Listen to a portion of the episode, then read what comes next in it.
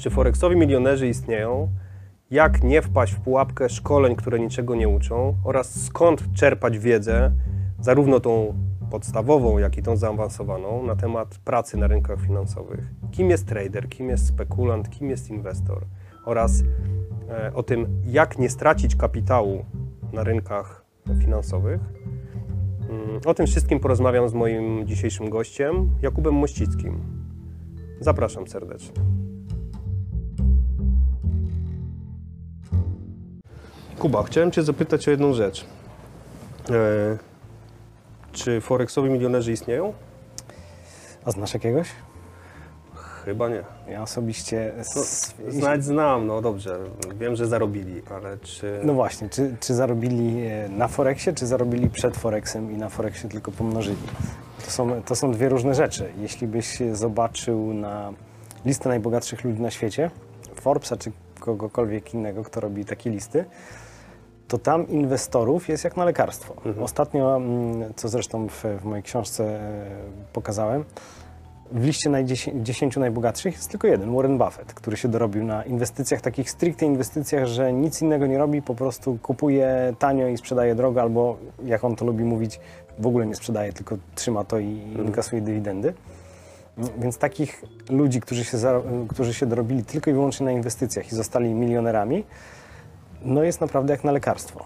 Czyli co, ta wizja romantycznego tradera z Wall Street, czy też gdzieś pod jakiejś palmy na leżaczku? E, No to e, siedziałeś sam trochę na rynku, wiesz, że to, to tak nie działa. Nawet Nie jeśli, jeśli inwestujesz, to nie dasz rady tego robić z leżaka na, na Bahamach, e, z, szczególnie z telefonu, skorzystając z jakiegoś tam oprogramowania do tradingu. E, No bo się nie da, tak? Bo tych informacji, które, mm, które musisz wziąć pod uwagę, jeśli chcesz inwestować, jest tyle, na, na tyle dużo, że nie dasz rady tego zrobić raz y, z leżaka, z telefonu. Mm, Dwa, nie dasz rady tego w ogóle monitorować z tego leżaka, tak? Y, Więc y, taka wizja, gdzie siedzisz na plaży, inwestujesz i traktujesz to jako bankomat, no jest kompletnie fałszywa. To się, to się tak nie da i to tak nie działa i nigdy nie działało i działać nie będzie. Okej. A teraz może warto by było zastanowić się nad tym, dla kogo może być ta wizja, powiedzmy tak, do osiągnięcia, a dla kogo nie, bo mamy traderów, mamy inwestorów i mamy spekulantów. I w każdej z tych grup e, można jeszcze porozwijać, tak? Day traderzy, e, traderzy, którzy pracują w propach, e, tak? I jak gdyby pracują indywidualnie. I teraz pytanie, kim dla Ciebie jest każdy z nich? To znaczy, może powiem inaczej, bo ja bym ich podzielił na zawodowców i amatorów.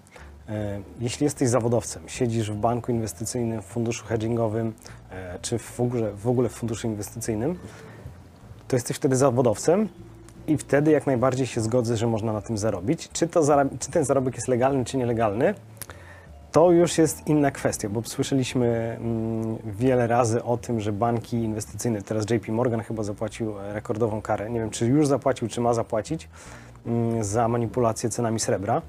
Mm, Wcześniej chyba im się też dostało za manipulację metalami. Generalnie kary dla banków sypią się tam dosyć regularnie, jeśli chodzi o manipulację. Przecież słynna sprawa mm, Liboru, mm, gdzie banki między sobą na, na, przy śniadaniu ustalały, jaka będzie wartość e, Liboru. Mm, Więc jeśli ty tworzysz rynek, no to możesz na nim zarobić.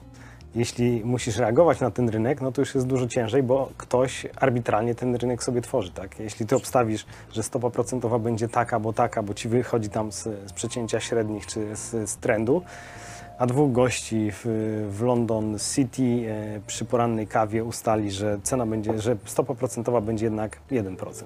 Czyli nasuwa się taki wniosek, że tak naprawdę na tym rynku zarabia tylko kasyno. Dokładnie tak.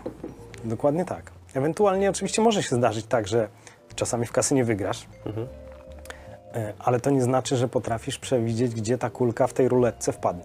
Po prostu miałeś szczęście i tak się złożyło. Tak? Oczywiście czasami, e, jeśli się przyłączysz do trendu, tak, i ten trend jest długoterminowy, inwestujesz powiedzmy e, na bardzo długi okres, gdzie wiadomo, że rynki generalnie chociażby przez inflację idą po prostu do góry. Jak sobie zobaczysz, jak wygląda giełda, indeks giełdy w Wenezueli, no to on prawie pionowo poszedł do góry. Mimo, że wszyscy wiemy, jak, jak sytuacja ekonomiczna w Wenezueli wygląda. mm, no to ten rynek jednak poszedł do góry. Nie, nie, nie chcę mm, kłamać, czy on pokrył inflację, która się tam po, pojawiła, czy nie, mm, bo tego akurat nie pamiętam. Natomiast widać to, jak on się zachowuje. Więc jeśli inwestujesz na rynku i robisz to długoterminowo i robisz to tak powolnie, tak, na- taką strategią trepa, y, czyli wiem, co miesiąc sobie coś tam kupujesz, y, jakieś porządne spółki dywidendowe, to oczywiście możesz zarobić, ale nie będzie to twoje źródło dochodu, bo to są zbyt małe, mm, zbyt małe stopy zwrotu. No chociażby Warren Buffett ma chyba średnią stopę zwrotu roczną 20%. No to jeśli ty zainwestujesz 10 tysięcy złotych, no to po roku masz 12 tysięcy złotych. No to, to nie są kokosy, tak? No jak, jeśli patrzysz jak to jako inwestycję taką dodatkową, gdzie sobie zbierasz przez najbliższe 50 lat mm, na emeryturę, no to oczywiście jak najbardziej, tak? Te 2000 już, już robi robotę, bo tam możesz to oczywiście dokładać, dokładać i procent, składany, robi, tak, robi swoje, robotę. tak? Mhm. Mm, więc, więc jak najbardziej. No ale te wszystkie romantyczne wizje, od których zacząłeś, że, mm, że ludzie zarabiają jakieś miliony, mm, że potrafią robić to z telefonu, że robią to na plaży, niczym się nie przejmują, imprezują y, dzień w dzień, no to nie, to, to tak nie działa. I, I nie ma ludzi na świecie, którzy tak zarobili. Oczywiście mogą być jacyś hazardziści, którzy postawili e, wszystko na jedną kartę, co też jest bardzo ciekawą, e, ciekawą sprawą. Słuchacze, jakby chcieli sobie mm, sprawę bardziej zbadać, to polecam sobie wpisać e, na YouTube'a na przykład frazy Wall Street Bets albo YOLO Trades. Mhm. To są takie grupy, mm, chyba na Reddicie, Wall Street Bets, gdzie ludzie się chwalą swoimi trade'ami, które robią na Robinhoodzie czy innych takich aplikacjach inwestycyjnych, gdzie często ładują się za wszystkie pieniądze, jakie mają, kupują jakieś opcje, które e, mają bardzo dużą stopę zwrotu e, w ostatniej chwili, na przykład przed ogłoszeniem jakichś wyników. No i to masz e, hazard, tak? Tam ostatnio oglądałem jakiś, jakiś dokument o tym. Mm, Kilku inwestorów tam z kilku tysięcy dolarów zrobiło 300-400 tysięcy dolarów w ciągu tygodnia. Czyli to jest wrzucanie wszystkiego, co mam do automatu i pociągnięcie za dźwignię. Co Dokładnie. wypadnie, I, to wypadnie. i, I to są właśnie YOLO trades, czyli albo się uda, albo się nie uda, albo jesteś spłukany i, e, i jesteś na dużym debecie, mm, no albo jesteś milionerem, tak? E, Czy, czy nawet multimilionerem. Był tam chyba jeden z największych trade'ów, zarobił 17 milionów dolarów z jakichś tam śmiesznych kwot. E, No ale to jest na zasadzie takiej, że albo ci się uda, albo ci się nie uda. No i warto też wspomnieć tego chłopaka, który chyba 3-4 miesiące temu, właśnie handlując na opcjach na Robinhoodzie, e, jak zobaczył e, swoje saldo, które było tam grubo ujemne, mm, no to popełnił samobójstwo z tego powodu. Mhm. Więc y, takie YOLO trady no fajnie wyglądają tak w podsumowaniu, y, jak to później oglądasz, no ale na tych kilku szczęśliwców, którym się to uda, jest masa tych, którym się to nie uda. Ostatnio będę gdzieś trafiłem na informację, właściwie to jest odświeżenie informacji o tym, że jest jakaś rodzina, chyba w Australii, która sprzedała wszystko przy poprzedniej bańce bitcoina. Sprzedali wszystko, zapakowali się w bitcoina, no i teraz podobno są szczęśliwi. Pytanie, czy, No tak, czy ale przetrwali, tak? e, no, no widzisz, tylko, prawda przetrwali. tylko tutaj dochodzimy do, znowu do takiej sytuacji, gdzie patrzysz sobie na wykres wstecz, e, no i możesz sobie powiedzieć, że okej, no to była mądra decyzja, tak? No ale co by było, jakby mm, stało się to, co nasz wspólny znajomy przewidywał, czyli Bitcoin by spadł do 1000 dolarów, no to oni by musieli się zatrudnić w McDonaldzie, żeby mieć na przeżycie. Niewykluczone, że przez ten rok, dwa lata e, pracowali. No dokładnie. I- Więc znowu, jak Mhm. spojrzysz wstecz, no to wygląda to fajnie. Tylko, że mm, co gdyby to nie, nie zainwestowali w Bitcoina, tylko zainwestowali w Dascoina, czyli w jakąś inną kryptowalutę, która się okazała mniejszym lub większym skamem. E, No, te kryptowaluty były przedstawiane jako następcy Bitcoinów, czy lepszy, nowy Bitcoin. Mhm. Mm, Więc skoro miał być to lepszy Bitcoin, no to oczywiście powinien pójść do góry dużo, dużo więcej niż Bitcoin. Tak? Bitcoin tam od jakichś nędznych centów poszedł na 20 tysięcy dolarów. E, Więc e, patrząc wstecz, no to wszystko wygląda fajnie, ale jak jesteś w tym momencie i w tym momencie miałbyś zadecy- zadecydować, czy sprzedajesz swój dom i idziesz 100% w Bitcoina, no to podejrzewam, że takiej decyzji byś nie podjął, bo zdrowy rozsądek by ci na to nie pozwolił i co jest zresztą bardzo, bardzo słuszne, bo ten trade może może wyjść, a może nie wyjść, tak? No to są zwykły, to już jest zwykły hazard, a nie inwestycja. Swojego czasu obserwowaliśmy w sumie razem też na TJS-ie. Były osoby, które były bardzo skuteczne w takim hazardowym rozgrywaniu. Znaczy dziś nazywamy to hazardowym, tak? Czyli wrzucenie, nie wiem, 50 czy 100 dolarów, czyli stosunkowo niedużej kwoty, która nie boli, e, na lewar 1500 i zrobienie z tego kilku tysięcy. Dokładnie, tylko jeśli wiesz, że to jest hazard i, i traktujesz to jako hazard i stosujesz wszystkie zasady związane z hazardem, tak? No w hazardzie y, ta słynna zasada, że jeśli przegrywasz, to podwa- podwajasz kwotę, którą wcześniej straciłeś, no i po którymś y, razie powinno ci to wyjść, tak? Że, że jednak zarobisz y, czy odrobisz to, co straciłeś. Mm, Więc jeśli masz takie podejście do, do rynku i wiesz, że to tak działa, wiesz, kto stoi po drugiej stronie, bo to też jest bardzo ważne, że tam mm, nie stoją traderzy, tylko najczęściej stoi twój broker, więc jakby ktoś, kto tworzy rynek, y, jednocześnie jest graczem, mm, no to takie coś ma szansę zadziałać, ale to tak jak mówi, sam powiedziałeś, to muszą być osoby, które są doświadczone, wiedzą co robią, e, mądrze zarządzają kapitałem, bo to jest e, jakby podstawa tego wszystkiego. Mm, No ale tak jak e, wspomniałeś, widzieliśmy, że to nie zawsze się udaje. Tak? Czasami... Bo kluczowe jest odejście od stolika. Dokładnie, tak, tak samo jak w hazardzie. Tak? No, nigdy, nigdy nie masz tak, że hmm, grasz 20-30 razy i za każdym razem ci się, y, ci się uda. Tak? No, tam też jest zarządzanie kapitałem, tak samo jak przy zakładach sportowych. Wszędzie jest ważne zarządzanie kapitałem, czego tacy młodzi traderzy, którzy się naglądają mm, instagramowych y, czy youtubowych y, traderów, którzy obiecują tam gruszki na wierzbie mm, i właśnie te romantyczne obrazy zarabiania z plaży, mm, no mają kompletnie wypaczone, tak? Tego, tego jakby nikt nie wspomina, że to jest naprawdę ciężka praca, że musisz mieć łeb jak sklep, obserwować masę rzeczy, która się dzieje na rynku. E, No, Donald Trump nam pokazał, jak można taki rynek wypa wypaczyć.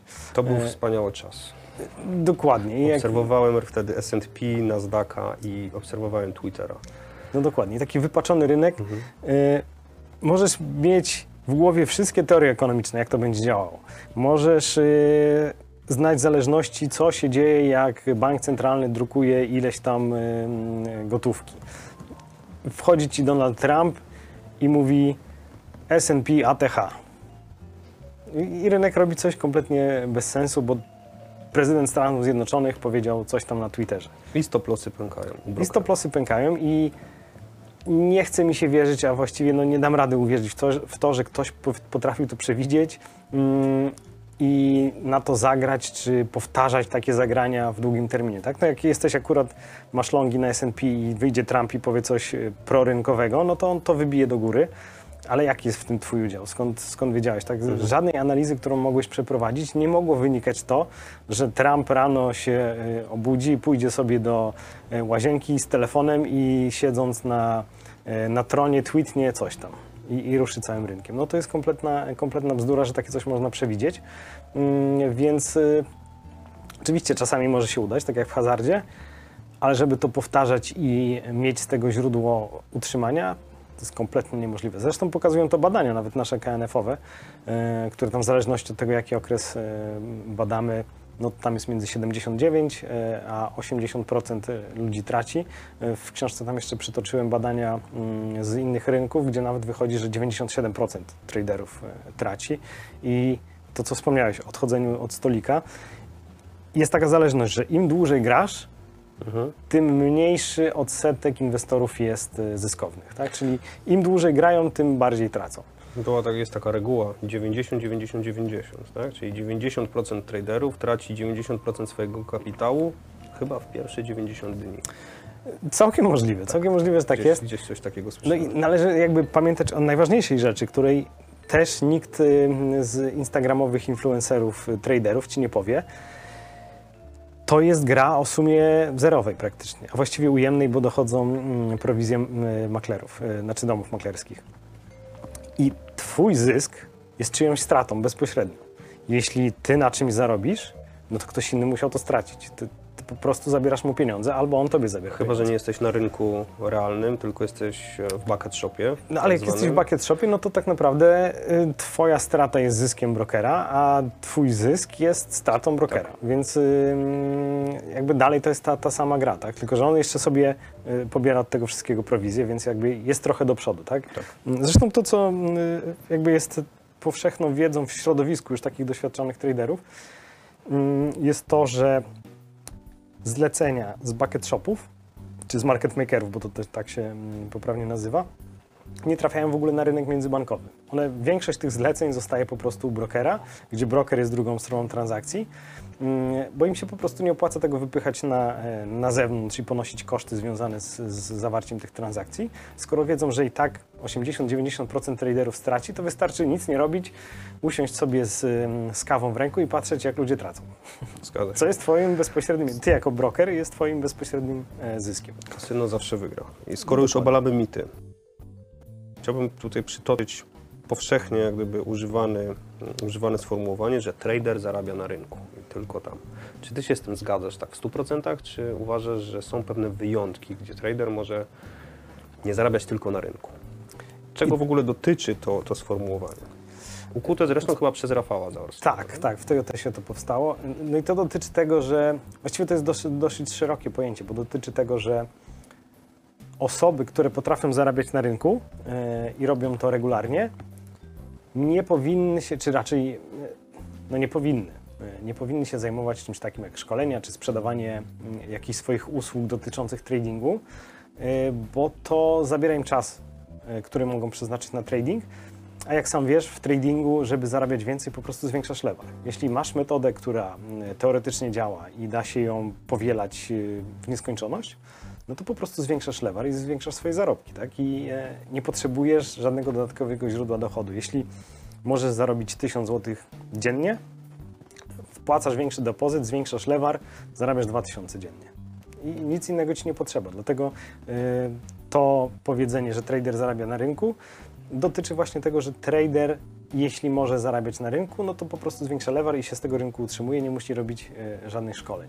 Natomiast e, czy rzeczywiście traderzy zarabiają na rynku? Moim zdaniem i z tego zresztą, co, co zdążyłem przeczytać e, w badaniach podczas tworzenia książki, mm, na rynku zarabiają traderzy zawodowi, którzy mają niesymetrycznie większą większy dostęp do mm, informacji rynkowych. Tak? Jeśli jesteś wielkim bankiem inwestycyjnym, to informacje dotyczące rynku czy transakcji, które tam będą zawierane, docierają do ciebie dużo, dużo wcześniej niż do przeciętnego tradera, który się dowie tam z CNBC czy z jakiejś e, gazety mm, ekonomicznej. Bo to, co trader taki zwykły zjadacz chleba, tak przeciętny, ja czy ty, przeczytamy sobie w gazecie, że coś tam się będzie działo, to to już dawno się stało i bank inwestycyjny zareagował na to y, dwa, trzy tygodnie temu. Mm, To jest jedna, jedna rzecz. Natomiast druga rzecz, y, same transakcje, tak? Wszyscy wiemy, że mm, y, istnieje coś takiego jak high frequency trading, mm, gdzie banki potrafią o nanosekundy się prześcigać, jeśli chodzi o zawieranie transakcji i już na tym zarabiają. Czyli skoro banki na tym zarabiają, no to zwykli traderzy na tym tracą. Więc trader zarabia na rynku tak, jeśli jesteś zawodowym traderem i masz dostęp do, e, do informacji, do których dostęp mają e, banki inwestycyjne. Natomiast jeśli jesteś zwykłym traderem, no to tak jak pokazują statystyki, raczej nie zarabiasz. Na, na Raczej nie zarabiasz i żeby się z tego utrzymywać, albo przynajmniej utrzymać się na tym rynku, yy, nie, nie, jak gdyby nie schodząc pod wodę, według mnie fajnie jest, jeśli trader ma inne źródło przychodu. I to Pod warunkiem, że nie jest to szkolenie z tradingu.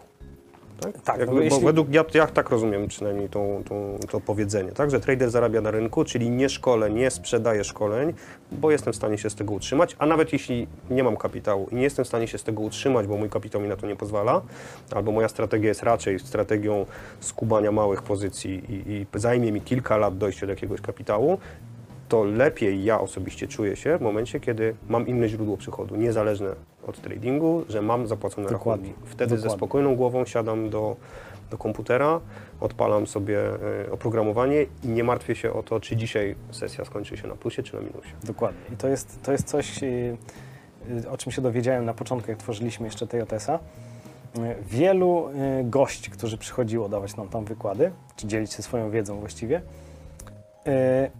mówiło, że takim dobrze, że każdy praktycznie z nich miał, mm, a właściwie większość, miał taki okres w życiu, że dostawał syndromu Boga, co praktycznie każdy inwestor, który kiedykolwiek inwestował na, na rynku i mu się coś tam udało, no dostaje takiego syndromu Boga.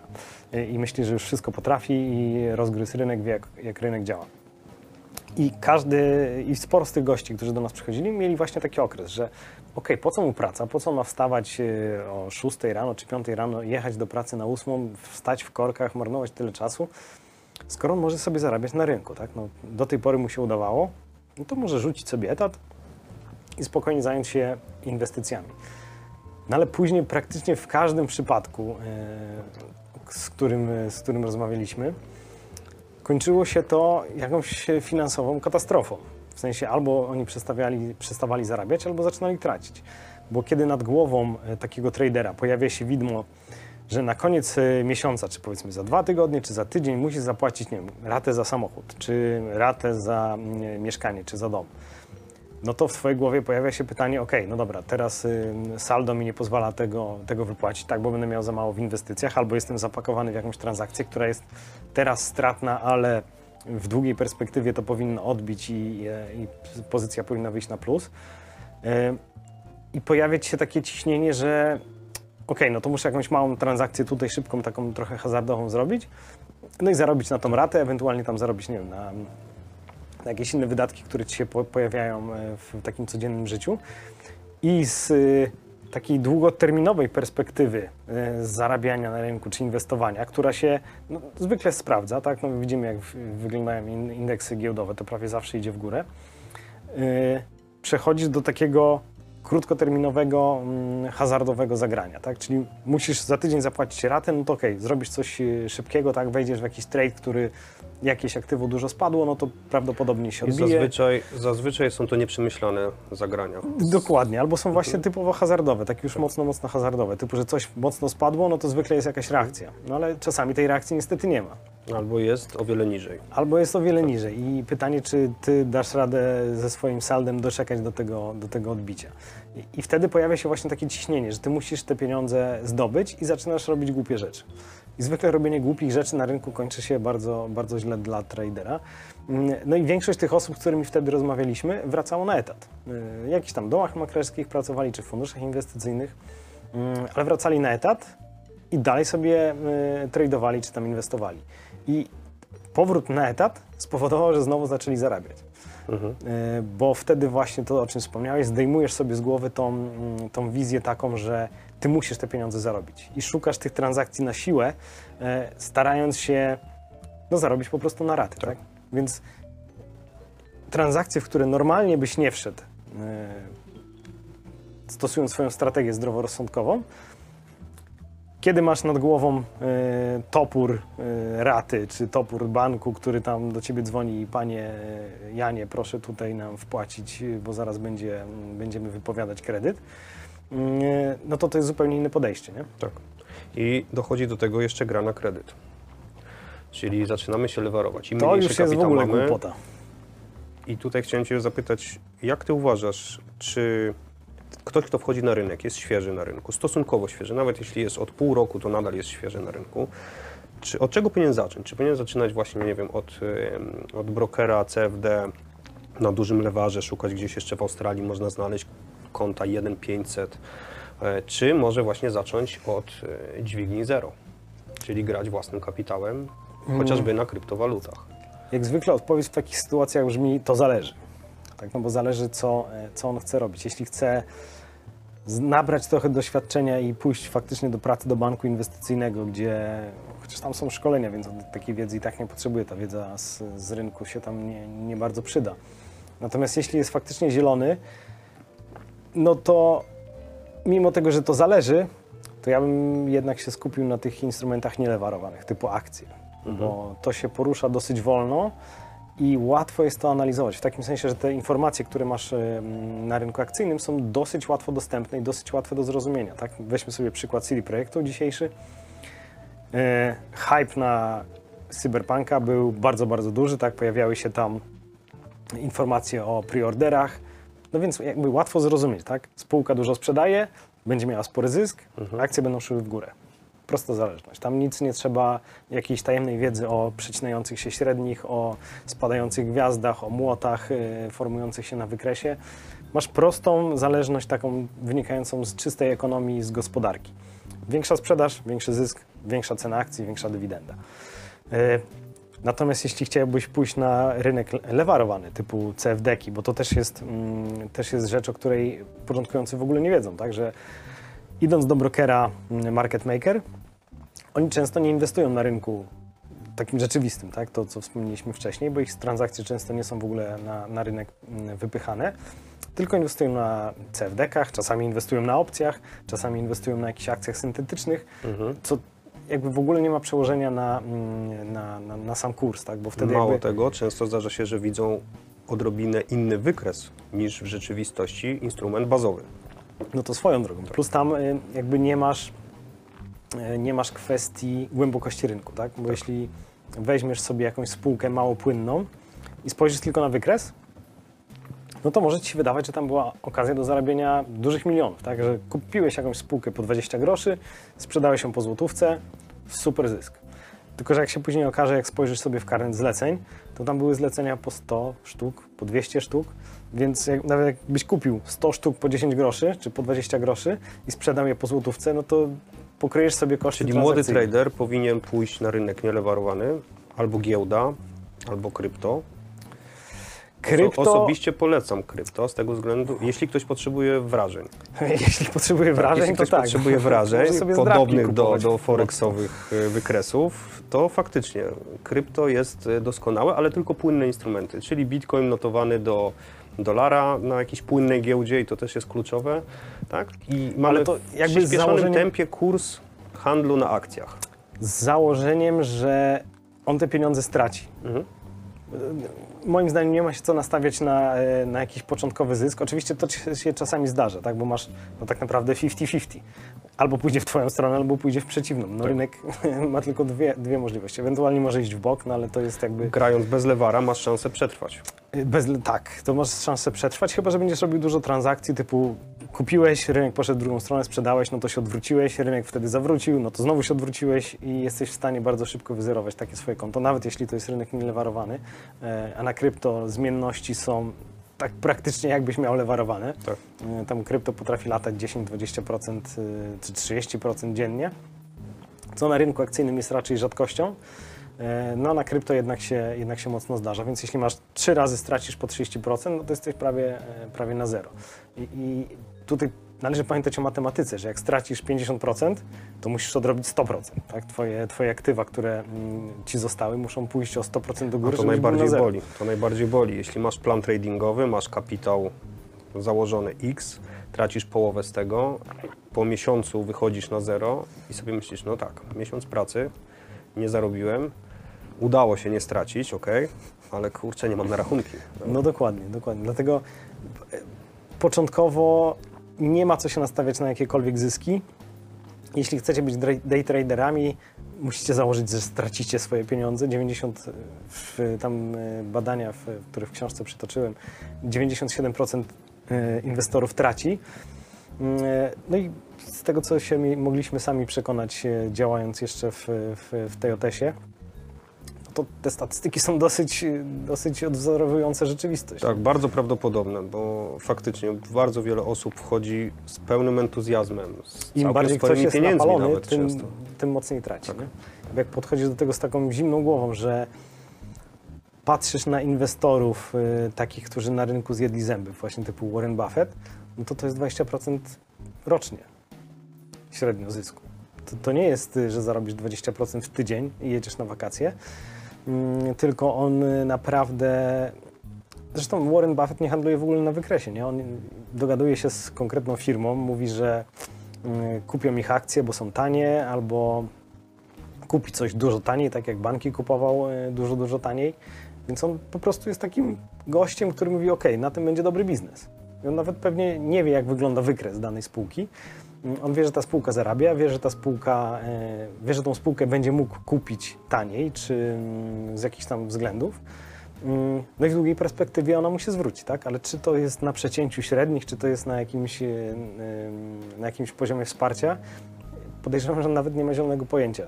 Parę lat temu jeszcze chyba nie miał tak komputera w biurze, na swoim biurku. No bo Gdzieś właśnie jakiś do, dokument. do takich inwestycji to jest kompletnie niepotrzebne. Tak, kupujesz spółkę, która jest tania, powiedzmy spółka zarabia 10 milionów dolarów rocznie, a ty ją kupujesz za 10 milionów dolarów. No tak, ale młody, jest- ale młody trader, młody w kontekście doświadczenia, yy, widzi reklamy brokerów forexowych, widzi reklamy na Facebooku szkoleniowców, którzy właściwie szydzą 20% zyskiem rocznie. 20% dziennie to mało dla nich, tak? No tak, no bo jakbyś powiedział, że ktoś zarobi 20% rocznie, to byś nic nie sprzedał, ty jako szkoleniowiec.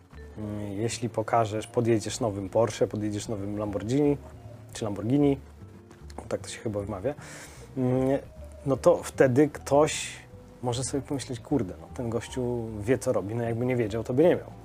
Nie miałby Porsche, nie miałby Lamborghini, nie miałby, nie wiem, mm, super mieszkania w jakimś apartamentowcu, no więc coś musi w tym być, tak? I wpadają w pułapkę. I wpadają marzeń. w pułapkę, bo, y, no bo najczęściej te samochody są leasingowane albo są na kredyt. Mieszkania zwykle są wynajęte. Mm, Do ty, no, podróże są mega tanie, tak? Możesz sobie po, polecieć. My, my, jak leciliśmy do Dubaju, to chyba bilety były po niecałe e, 1500 zł. Ostatnio, teraz chyba Wizer odpalił e, loty do Abu Dhabi z Katowic. Mm, Żeby cię nie oszukać, 420 zł dwie strony. Czyli można polecieć i zrobić sesję nagraniową pod reklamę szkoleń. Dokładnie, bierzesz, bierzesz sobie telefon, robisz zdjęcia z Instagrama, na Instagrama w Abu Dhabi, mm, w, w, przy wieżowcach, tak, w, w super tam miejscach, tam każde miejsce wygląda na, na super e, bogate, więc Jeszcze jak jest palma w tle, no to już w ogóle jest no dokładnie, palma, wielbłądy, co tam, zresztą tego nie brakuje, super, samochody luksusowe, które tam e, są na każdym e, kroku, w Dubaju w ogóle są porzucone te super samochody, tam się walają jakieś Lamborghini, e, Porsche, e, Rolls-Royce, wszędzie się, no może nie wszędzie, ale są takie miejsca, gdzie one się rzeczywiście walają, tam stoją sobie zakurzone.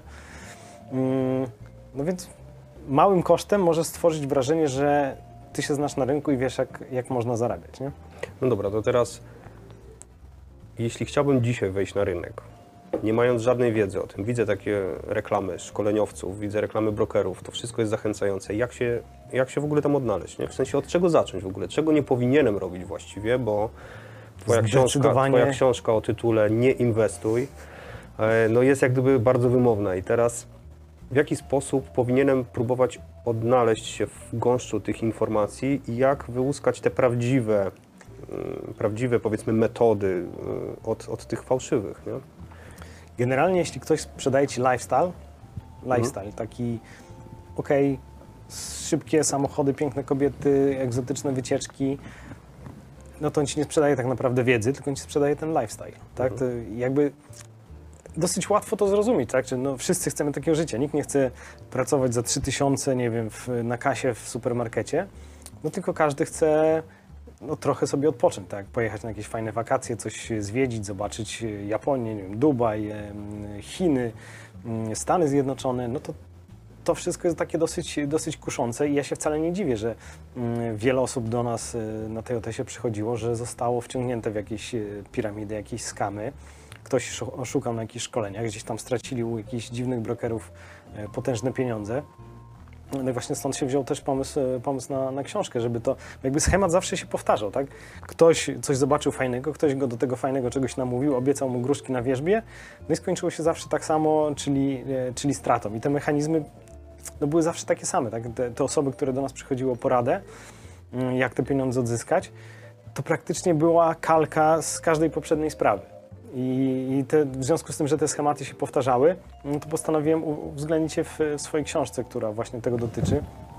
E, nie inwestuj. To jest takie trochę przewrotne, bo jakby e, ty, tytuł, e, tytuł mm, ma jakby wybić taką dziurę w głowie osób, które się napaliły, naoglądały się instagramowych inwestorów mm, i pokazać, że ten rynek jest nastawiony na to, żeby z takiego młodego tradera wydoić wszystko, nie? żeby e, bo jakby to nie są instytucje charytatywne, one muszą na czymś zarabiać. A w związku z tym, że to jest gra o sumie zerowej lub nawet ujemnej, mm, no to ty wchodząc na taki rynek, jesteś dostawcą kapitału. Szczególnie Mhm. jeszcze jesteś młodym traderem, który jest właśnie, e, kolokwialnie mówiąc, napalony na to, żeby szybko, szybko zarobić duże pieniądze, mm, no to, to niestety zostaniesz dawcą kapitału. Dobra, to gdzie szukać tej wiedzy? Bo A wiedza, czas- właśnie, cały- bo co- tak, wspomnieliśmy tak, o szko- szkoleniowcach, y, którzy sprzedają y, lifestyle. Jeśli pójdziesz na szkolenie maklerskie, czy pójdziesz na szkolenie doradcy inwestycyjnego, no to to są miejsca, gdzie dostaniesz taką wiedzę faktyczną, gdzie mm, o tym, jak działa rynek, jak się wycenia spółki, co to jest wolumen, e, co to jest DFC, co to jest e, NPV.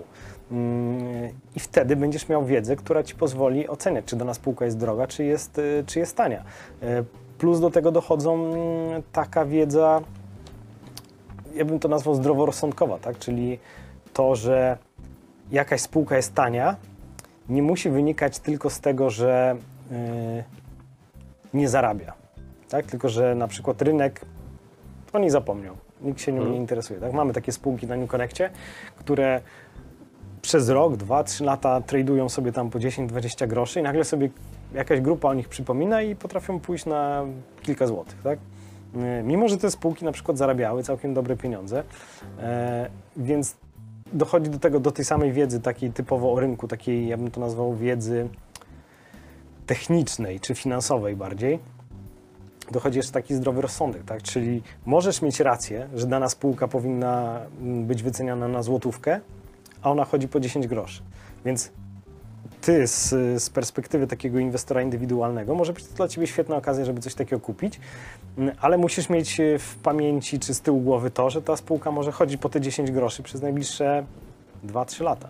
Czyli alternatywą do tego, co powiedziałeś w kontekście szukania wiedzy, mogą być ewentualnie książki i samodzielna praca z Jak książką w ręku, tak? No jak najbardziej. No jakby wiedza zawsze się, e, zawsze się zwróci, nie? bo lepiej wydać 50-60 zł na książkę i się z niej coś dowiedzieć typu mm, e, jak żyli wielcy inwestorzy czy spekulanci, mm, gdzie wpadali w jakieś pułapki, e, niż samemu wpłacić po 10, 20, 30 tysięcy dolarów, bo ktoś ci powiedział, że będzie debiut Porsche i będzie można na tym zarobić. Co mnie najbardziej przerażało w tych wszystkich historiach z Toyotesu, gdzie ludzie tracili, właśnie najbardziej przerażające były te historie, gdzie przychodziła osoba, do której ktoś zadzwonił i jej obiecał, że na debiucie jakiejś znanej spółki, ona nawet nie musiała wchodzić na giełdę, y, bo i tak tego nikt nie sprawdzał, wystarczyła jakaś znana marka typu Porsche, y, typu Airbnb, Mhm. wszystko jedno, by było tylko, tylko znana marka. I ci ludzie po jednym czy dwóch telefonach potrafili tam wpłacić 20-30 tysięcy dolarów. Mm, Często też brali kredyt pod to, bo jeśli kredyt cię kosztuje powiedzmy 15% rocznie, a y, gość z telefonu obiecał ci, że zarobisz 50% na debiucie, no to szybka kalkulacja to się opłaca. To jest przerażające, to prawda. Tym I- bardziej jak w telewizji dokładnie. widzimy, że ludzie nabierają się na jeszcze bardziej prozaiczne historie, a mianowicie, że e, aktor e, z Hollywood e, chce zamieszkać gdzieś pod Grójcem. Tak? I pani Dokładnie. biegnie z torbą pieniędzy, wpłaca jakiś depozyt. I na rynku dzieje się to samo. Niestety. Metoda podobna do metody na wnuczka po prostu. No Ktoś do ciebie dzwoni, obiecuje ci jakieś fajne rzeczy, wierzysz w to i się Dokładnie. pakujesz. E, No i niestety na rynku nie brakuje oszustów i oni zwykle rzucają się na tematy, które są aktualnie bardzo chodliwe, tak? czy, czy bardziej medialne, można tak powiedzieć. Mm, Ile było skamów na kryptowalutach, kiedy kryptowaluty, kiedy bitcoin leciał y, na 20 tysięcy dolarów, to było skam na skamie, tak? Tak. Ciężko było Co w ogóle znaleźć, projekt. nawet więcej bym powiedział, chyba mm, nie pamiętam, czy w książce to zacytowałem, czy nie, ale grubo ponad 95% ICO mm, było albo skamami, albo się po prostu nie udało, bo było na tyle głupie, że nie miało prawa się udać. Mhm. Więc jeśli ktoś y, zainwestował w jakiś ICO mm, na, na samej górce, tak, bo wtedy w 2017, jak pewnie sam pamiętasz, nawet nikt nie czytał white paperów. Tam wystarczyło zrobić logo, zrobić stronę internetową i ludzie ci wpłacali pieniądze. Nikt nawet nie- próbował sprawdzić, co ten projekt robi. Mogłeś zebrać milion, dwa, trzy, cztery miliony mm, dolarów, bo wszyscy byli tak napaleni na to, że, że kryptowaluty zawojują świat, że nikt tego nawet nie sprawdzał. Yy, Więc yy, no, naiwni zawsze się znajdą, no i niestety znajdą się oszuści, którzy tych naiwnych zawsze wykorzystają. I zwykle to się dzieje w, w takich tematach bardzo medialnych. Yy, Teraz widzieliśmy, ile było szkoleń na przykład na nieruchomości, tak? Mhm. jeszcze zanim, e, zanim się ta pandemia cała zaczęła. Yy, No, każdy był inwestorem nieruchomości, tak? Wszyscy robili flipy. Więc y, zawsze się znajdzie ktoś, kto, kto będzie chciał y, tak zwany hype wykorzystać. Czy to będzie w dobrej wierze, czy w złej wierze, no to już zależy od tego, kto to chce wykorzystać, no ale niestety skamerzy się w takich, e, w takich popularnych tematach bardzo często pojawiają. Oraz do tego jeszcze dochodzą wszystkie te bańki spekulacyjne, które no, pojawiają się co róż tak naprawdę. Mam wrażenie, że coraz szybciej, z każdym rokiem te bańki gdzieś tam się pojawiają szybciej. Dawniej to rzeczywiście były odstępy, czasem dziesięciolecia od jakiejś bańki. Dziś wszystko dzieje się w tempie internetu, a nie w tempie depeszy prasowej. N- No niestety banki centralne nam to trochę, mm, trochę zepsuły, tak? I e, to jest też, warto mieć to na uwadze, że rynki się zmieniają. Czyli rynek, który był w latach 30. w Stanach Zjednoczonych, już nie był tym rynkiem, który był w 71 roku, kiedy, mm, kiedy dolar został uwolniony od złota, tak? E, Czy teraz po, po tych masowych QE po 2008 roku to znowu jest inny rynek, tak? Już inne zasady działają. E, Teraz widzieliśmy, że w gospodarce może być kompletna tragedia, mogą być bankructwa, mogą firmy być zamykane, a co robią rynki finansowe? Jadą Nowe szczyty. do góry, no, Mhm. no, nowe szczyty, bo mm, znowu rynki się zmieniły, tak? Mamy odbicie, y, tak zwane odbicie K. Kiedyś, kiedyś to było y, na zasadzie takiej humorystycznej mówiliśmy, że to tam kilku, kilka osób y, wspominało w internecie, że to będzie odbicie K, tak? Ale to było na zasadzie żartu, że cała finansówka i rynek finansowy mm, poleci sobie do góry, a rzeczywista gospodarka poleci w dół, tak? Czyli będziemy mieli spadek, wszyscy razem spadliśmy, y, wszystkie finansowe rzeczy i giełda poleciały do góry, a gospodarka rzeczywista, e, rzeczywista spadła w dół. Tak, I znowu w życiu codziennym będziemy widzieli to jako rozwarstwienie społeczne. Tak, i teraz będzie to widać jeszcze, jeszcze bardziej. Mm, Ja lubię mówić, że to zależy od odległości, w jakiej stoisz do drukarki fedowskiej. No bo jakby Fed y, narzuca y, tempo wszystkim innym bankom centralnym, więc to, co robi Fed, zaraz wszyscy inni będą małpować, a właściwie muszą małpować.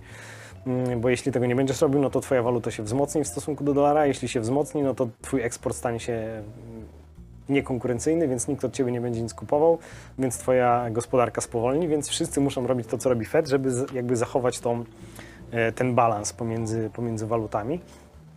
E, No więc te rynki znowu się zmieniają, tak? I, e, i zresztą widzimy, jak się przejdziesz po, po ulicy, ile jest zamkniętych restauracji, które po prostu nie mogą pracować. Część już się poddała i wiszą już banery, że mm, e, sprzedam e, lokalizację tam, czy odstąpię, czy w ogóle do wynajęcia jest dany lokal. E, No więc tego będzie bardzo dużo i moim zdaniem będzie u nas jeszcze w Polsce tego dużo więcej, kiedy skończą się te okresy zmuszające firmy do podtrzymywania zatrudnienia. Jeśli to puści, wtedy moim zdaniem zobaczymy, zobaczymy bezrobocie. Mm, No i znowu nam się rynki wtedy zmienią. I wtedy rynek finansowy prawdopodobnie znowu pójdzie do góry, tak jak to się działo wcześniej w Stanach Zjednoczonych, kiedy jakaś firma ogłaszała, e, że będzie przeprowadzała masowe zwolnienia, no to jej wykres nagle leciał do góry. No jakby, jeśli zdroworozsądkowo o tym pomyślisz, no to sobie pomyślisz, no jak to, firma zwalnia ludzi, będzie mniej sprzedawać, mm, czy mniej produkować, no to jej kurs powinien spadać w dół. No i się okazało, że logika za tym jest zupełnie inna, bo inwestorzy zakładali, że skoro firma zwolni ludzi, e, a powiedzmy sprzedaż już im tak bardzo mocno nie spadnie, no to ci ludzie, którzy tam zostaną w firmie, będą po prostu musieli być bardziej efektywni. Więc tak naprawdę dla firmy to dobrze. Cięcie kosztów, Cięcie kosztów, wzrost produktywności czy efektywności produkcji, no i e, same plusy. same plusy. Mimo, że ludzie wiesz, będą bezrobotni, tam bezrobocie e, sporo, sporo w Stanach wzrosło, przecież tam wzrosło, tak pionowa krecha była, bo w Stanach Zjednoczonych zwolnić kogoś i zatrudnić kogoś jest dosyć e, łatwo, więc oni tam jakby bardzo szybko reagują na wszelkie zmiany. E, Natomiast u nas e, podejrzewam, że to będzie mm, dopiero teraz się po nowym roku to pojawi, jak te wszystkie ograniczenia spadną co do zwalniania. No i znowu będziemy mieli nowy rynek, tak? I ten rynek, który mieliśmy dwa lata temu, gdzie tam jakieś zasady inwestycyjne działały, teraz już kompletnie nie będą działały, tak? Bo wszystkie pieniądze z Fedu czy z, na, z naszych tarcz no, trafiają na rynek, tak? I teraz widzieliśmy, widzieliśmy to samo, co się działo w Stanach Zjednoczonych. Ilość nowych kont maklerskich, tak jak e, rozmawialiśmy wcześniej, no, o nowych inwestorach, tak? W Polsce mieliśmy do, dokładnie to samo, tak? Rekordowe mm, otwarcia nowych rachunków chyba w czerwcu były. Tak. Mm, e, Zarówno na kontach maklerskich. takich brokerskich, jak i na, No samych, na samej giełdzie, tak? czyli w kont maklerskich. Dokładnie, no obroty na giełdzie papierów Rekordowe. wartościowych rekordowe. Więc mamy tych nowych dostawców kapitału, e, którzy no, będą się musieli na, nauczyć tego nowego rynku. Tak? Bo jak posłuchają starych inwestorów, no to już stare zasady nie działają. Teraz już działają nowe zasady. I zasada typu y, don't fight the Fed, czyli robisz to, co Fed, jesteś po stronie Fedu, y, tak zwany Fed put, czyli góra. Akcje tylko idą w górę, nigdy nie spadają. Czyli co? y, Doświadczeni inwestorzy pod, powinni podążać za Fedem. Doświadczeni inwestorzy już wiedzą, że, że rynek się zmienia i trzeba cały czas patrzeć na to, co się na rynku dzieje i jak y, władze centralne, czy właściwie banki centralne y, działają, tak? czy, czy jakie mają nowe pomysły na to, jak będą działać. Bo no, to się cały czas zmienia i to, to, to co mówiliśmy wcześniej o tradowaniu z, z leżaczka na Bahamach, no to się nie da. Bo musisz cały czas śledzić te informacje i cały czas patrzeć, w jaki sposób rynek się będzie zmieniał co będzie robił Fed, no bo teraz jak spojrzysz sobie na bilans Fedu i na rynki, w sensie ich tendencje, no to jak bilans Fedu się zwiększa, rynki rosną. Fed przestaje skupować, rynki spadają. Więc takie informacje ze spółek już nie do końca muszą mieć przełożenie na, y, na ich kurs na giełdzie. Bo liczy się tylko to, czy Fed dostarczy płynność i rynek powie, ok, dobra, to Fed drukuje, to my kupujemy. Y, czy będzie jakieś rozjechanie tej strategii. No ale zwykle tak, tak, tak nie jest. Nie? Czyli co? Inwestorom doświadczonym w sumie i tak nic nie doradzimy, bo i tak nas nie posłuchają. Bo wiedzą, Do- co robią lub nie będą słuchać. To jest Dokładnie. tak jak z radami rodziców. Często ich nie słuchamy. Generalnie, generalnie do- bym chciał powiedzieć, żeby rad z internetu generalnie nie słuchać. Nawet nas możecie nie słuchać. E, Myślcie, myślcie sami, patrzcie jak to się wszystko, mm, jakie są zależności. Oczywiście warto słuchać e, w sensie takim, że zdobywać nową wiedzę, ale wnioski należy wykonać, e, wy- wyciągać samemu. Tak? To, to, że ja e, jestem wielkim zwolennikiem złota, patrząc na to, co się dzieje na rynkach, e, na rynkach finansowych i na dodruk, który jest teraz tworzony, tak? bo ilość dolarów w ostatnich dwóch latach mm, 26% wzrosła e, Mhm. do tego, co było do tej pory. Więc ja jestem zwolennikiem złota, no, ale nie polecam nikomu pakowania się w złota. W złoto. Tak, skoro jesteś zwolennikiem złota, to co z Bitcoinem według Ciebie? Czy on ma szansę stać Bitcoin- się tym cyfrowym złotem? E, Bitcoin jest no bardzo jednym z chyba z ulubionych aktywów, jeśli chodzi o nowych inwestorów, e, bo jakby mam takie wrażenie, że ten hype inwestycyjny wśród nowych inwestorów właśnie zaczął się od, od krypto. E, 2017 rok, zresztą też, też pamiętasz jak to wyglądało, nie było praktycznie osoby, która nie handlowała krypto. Wszyscy byli inwestorami krypto i podejrzewam, że wtedy już y, poczuli tą krew, tak? Zobaczyli, że, że, że można. Część zarobiła, część straciła, no ale tą krew poczuli, tak? Że przez pewien czas nawet byli, byli zarobieni, czyli można. E, No i teraz zobaczyli, że to samo dzieje się na, na rynku akcyjnym, więc weszli, weszli sobie na, na rynek akcyjny, no i tam próbują zarabiać. Czyli to głównie pewnie jest młode pokolenie, które, dla których e, rynki tradycyjne mogły się wydawać jakimś oldschoolem totalnym i totalnie nieosiągalną rzeczą, bo jednak jest takie, wśród społeczeństwa jest taki, taki pogląd powszechny, że żeby inwestować trzeba mieć dużo pieniędzy. Tak i właśnie kryptowaluty to zmieniły. Bo się okazało, że tam możesz wpłacić 100 zł, kupić sobie 0,001 jakiejś kryptowaluty, no i na tym zarabiać, tak? Że te kryptowaluty potrafiły rosnąć bardzo szybko i bardzo szybko spadać, no to w zależności w którą stronę grałeś, no to mogłeś też podwoić, potroić swoje 100 Czyli gimnazjaliści wpłacali swoje kieszonkowe, próbowali to pomnożyć, niektórym się udało, niektórym Dokładnie, nie. Ci, dokładnie. którzy nie dostawali kieszonkowego, kopali kryptowaluty na własnych komputerach i też mogli się na tym rynku Dokładnie. odnaleźć. A właściwie nie mieli wyboru, bo musieli się pozbyć tych coinów, które kopali. Tak, tak, tak. No i jakby moim zdaniem właśnie kryptowaluty zasadziły to ziarenko takiej chciwości, bo to głównie chciwość napędza, no chciwość i strach mm, napędza rynki finansowe.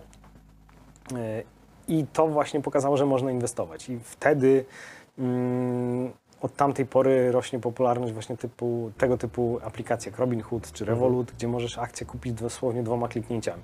Czyli połączenie chciwości i strachu z social mediami to jest mieszanka wybuchowa. Dokładnie. I wtedy i z połączenia tych dwóch mocy powstaje tak zwany YOLO trade. Czyli ładujesz się za wszystko albo za resztkę depozytu, który masz, co mówiłem na samym początku. No i albo jesteś multimilionerem, albo tracisz, albo zjeżdżasz w ogóle na minus, tak jak ten chłopak, o którym wspomniałem. No i odbierasz sobie życie. No.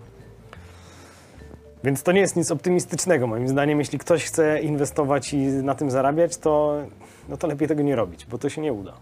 Statystycznie to się nie uda i nie ma inwestorów, y, którzy by na tym zarabiali długoterminowo. I wracając do samego początku naszej rozmowy, gdzie rozmawialiśmy o traderach, ilu traderów znamy, którzy zarabiają, to z moich obserwacji ludzi, którzy są związani z rynkiem, y, widzę, że zarabiają ci, którzy pracują dla instytucji finansowych, czyli traderzy w prop, firmach prop tradingowych. I oni zarabiają. Bo tam masz jakby z góry narzucone mm, twarde zasady, jeśli chodzi nawet o market making, mm, znaczy o zarządzanie swoim kapitałem, y, czyli money management. Mm, to raz, a dwa, no tak samo y, masz dostęp do lepszych informacji. Tak, czyli dostajesz je albo szybciej, albo masz e, terminal Bloomberga chociażby wykupiony, gdzie te informacje masz praktycznie od razu, tak, zanim oni się pojawią w jakimś CNBC czy czymś takim, to ty już je masz i możesz na nie reagować. Mm, Więc y, no, tutaj pojawia się ta asymetria y, pomiędzy inwestorem detalicznym, że tak powiem, a inwestorem y, tym zawodowym, który siedzi w instytucji finansowej i musi się stosować do jej twardych zasad. Tak? Ja już nie mówię, że prop trading, prop trading y, ustawia sobie 100% czy w jakikolwiek inny sposób manipuluje rynkiem, tak jak robią to duże banki. Mm, No ale twarde zasady pozwalają ci, e, pozwalają ci osiągać dobre rezultaty. Mm, Plus one tam mają, e, plus te prop tradingi wszystkie mają mm, też inne podejście do inwestycji, tak? One, one tam sobie zarabiają na jakichś małych spreadach, gdzieś tam Mhm. y, nieefektywnościach rynku. Na wolumenie. bardzo na często, wolumenie. Tak, na dostarczaniu płynności. No dokładnie. dokładnie. Niekoniecznie tam jest ważny wynik finansowy na plus czy na minus. Ważne jest to, żeby robić obrót w wielu firmach. Dokładnie. Ale tym- myślę, że to jest chyba temat na trochę odrębną rozmowę, żebyśmy nie wchodzili w detale rynku, bo bardziej chyba tutaj jest to temat, y, te, całe te wszystkie tematy tej audycji, raczej chyba do inwestorów indywidualnych, a szczególnie tych początkujących. Tak, tak, Można by tak. było, ja bym to tak podsumował, że pamiętaj, traderze młody, Nie inwestuj. kamera, nie inwestuj, nie inwestuj. Zacznij od edukacji.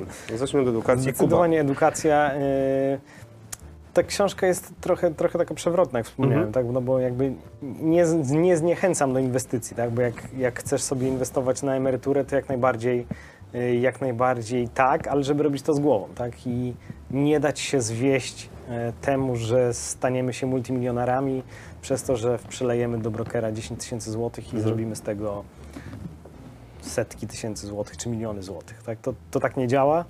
Mm, Nie działało. Oczywiście, tak jak mówię, są przypadki, że komuś się to uda, że kupi jakieś opcje, które wystrzelą w, w kosmos, bo akurat dana firma pokazała albo dobre, albo złe wyniki, w zależności od, tą, od tego, w którą stronę grał. Mm, Natomiast y, generalnie to Czy tak to nie nie jest trochę tak jak z ludźmi, którzy wygrali na loterii duże pieniądze? Y, I tak i nie, bo y, chociaż z drugiej strony finał jest prawie zawsze ten sam, tak?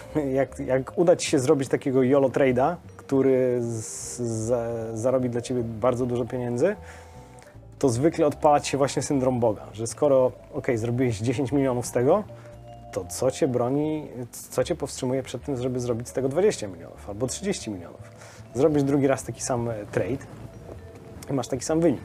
No i zwykle kończy się to tak, że zerujesz konto albo wchodzisz jeszcze na, na, na debet. No i tak samo dzieje się z ludźmi, którzy mm, wygrają w, w loteriach różnego typu.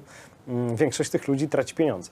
Mm, Tak samo ludzie, którzy czasami odziedziczą majątki spore, a do tej pory nie mieli e, styczności z dużymi pieniędzmi, traci. Bo kluczem tutaj jest właśnie za- zarządzanie kapitałem. Tak? Musisz się przyzwyczaić do tego, że masz pieniądze, jak, jak pieniądze działają, że pieniądze tak naprawdę są narzędziem, a nie celem samym w sobie. Mm. I no, finał jest niestety zawsze taki sam, jeśli nie masz obycia, obycia z pieniędzmi. I oczywiście część ludzi da radę się nauczyć tego, tak, że e, pójdzie jakiś, na jakiś kurs, czy pójdzie do doradcy finansowego, mm, czy doradcy inwestycyjnego. Ale mi chodzi o takich prawdziwych doradców z krwi, Mhm. z krwi i kości, nie takich, którzy siedzą w bankach e, na prowizji od sprzedaży i próbują ci wcisnąć e, cokolwiek, e, żeby tylko dostać z tego prowizję. Oczywiście ten rynek się też już trochę cywilizuje. Jeszcze kilka lat temu e, na polisolokatach, co pewnie wiesz, jak to działało, Tak. można było dostać jako sprzedawca tych polisolokat, mogłeś dostać 100% rocznej składki klienta. Czyli jeśli klient ci rocznie na taką polisę mm, inwestycyjną wpłacał 10 tysięcy złotych, no to 10 tysięcy złotych lądowało u ciebie jako sprzedawcy. Więc tobie zależało jak najbardziej nie to, żeby założyć mu lokatę, gdzie by zarobił sobie 5% i przy inflacji 4 byłby 1%, 1% do przodu. Tobie zależało na tym, żeby go ubrać w jak najbardziej kosztowne dla niego mm, produkty. Czyli to jest kolejna przestroga tak naprawdę, już tutaj nawet nie dla traderów, nie dla inwestorów, tylko ogólnie dla ludzi, którzy mają jakąś gotówkę, chcą gdzieś ulokować. Sprawdźcie doradcę. Sprawdźcie, kto Wam doradza. Znaczy generalnie moim takim idealnym, mm, idealnym modelem mm, doradcy finansowego byłby taki, gdzie po prostu mu płacisz za wiedzę. Mhm. Tak, ktoś zjadł zęby na, na inwestycjach, yy, wie jak, jak działa rynek, wie gdzie najlepiej ulokować pieniądze, wie gdzie najlepiej ulokować, żeby ich nie stracić, bo to jest najważniejsze. Tak, to jest chyba pierwsza zasada Warrena Buffetta, nie, nie trać pieniędzy. Yy, I wtedy masz pewność, albo jesteś bardziej, yy, masz trochę większą pewność, bo stuprocentowej nigdy nie ma, że on cię nie ubierze w jakiś produkt, z którego on ma mm, wysoką prowizję, tylko bierze cię w taki produkt, żebyś ty polecił na tym, że ci wciśnie produkt, na którym ty, żeby wyjść na zero, będziesz musiał zarobić, nie wiem, 30-40%, żeby pokryć te wszystkie koszty, prowizje, opłaty manipulacyjne Jasne. i tak dalej. Kuba, popełniłeś książkę, bo teraz jeszcze chciałem tutaj dwa słowa powiedzieć dla tych, którzy nie oglądają nas, a słuchają w formie podcastu. E, Kuba popełnił książkę o tytule Nie inwestuj. O czym jest ta książka? Ja jeszcze nie miałem okazji przeczytać, e, świeża, gorąca jeszcze z drukarni, Dokładnie. więc akurat mam weekend przed sobą i chętnie skorzystam. O czym to jest? Czego, czego się nauczymy albo czego się nie nauczymy? Generalnie, jeśli miałbym to podsumować e, kilkoma słowami, mm, to jeśli ktoś jest początkujący i nie chce inwestować, i chce inwestować, to nie powinien tego robić. Powinien się wziąć za edukację. Natomiast jeśli ktoś jest y, doświadczony, już został, że tak powiem, przeczołgany przez rynek i swoje stracił, no to książki nie musi, nie musi kupować, nie musi czytać, bo już wie, jak to działa w rzeczywistości. Więc książka jest jakby napisana zupełnie dla tych, którzy początkujący są, y, nie wiedzą nic o rynku, słyszeli, że da się zarobić, y, ale nie wiedzą jak, nie wiedzą gdzie, no to to im oszczędzi sporo pieniędzy. Czy tutaj się- znajdziemy, te pół, e, znajdziemy opisane te pułapki, które na nas czekają? na Tak, tym rynku? dokładnie, dokładnie. Tam są wszystko to, jak opisane, jak, jak działa rynek finansowy, jak działają dora- doradcy finansowi, doradcy finansowi, mm, jak działają brokerzy, gdzie pojawiają się pieniądze, kto to wszystko sponsoruje i od razu Czyli- zdradzam, że to sponsoruje inwestor, wszystko, całą imprezę, Mm, więc jakby inwestor jest zawsze na końcu tego przewodu pokarmowego, Mhm. mm, jeśli chodzi o finanse. No i jakbym miał podsumować właśnie w dwóch słowach, to jeśli ktoś jest początkujący, to nie musi kupować książki, musi kupować inne książki. W sensie nie musi kupować mojej książki, może kupować sobie inne książki, które go nauczą, Mhm. jak działa rynek. Mm, A jeśli ktoś jest doświadczony, to już to wie, jak to działa. już swoje dostał. Czyli to jest taka książka z kodami do gry. Tak można by to było w nomenklaturze Mm. y, y, game, gamingowej w związku z cyberpunkiem podsumować. Można by tak powiedzieć, no, jakby książka, książka ci pokaże, jak, jak działa rynek finansowy, tak? I gdzie, gdzie są na ciebie zastawione pułapki i gdzie stracisz swoje pieniądze. Gdzie ją kupimy? E, Nieinwestuj.pl Nieinwestuj.pl. Zapraszamy na stronę nieinwestuj.pl. E, moim gościem był Jakub Mościcki, wiceprezes zarządu w Izba Gospodarcza Blockchain i Nowych Technologii. Zgadza się. Zawsze sobie język łamie na tej nazwie. Nie wiem, kto to wymyślił chyba, Oczywiście Kubę mógłbym przedstawiać jeszcze wieloma tytułami. Em, ale byłoby za długo. byłoby za długo. Okej. Także dzięki, dzięki wielkie. Bardzo Ci dziękuję. usłyszenia. Do usłyszenia.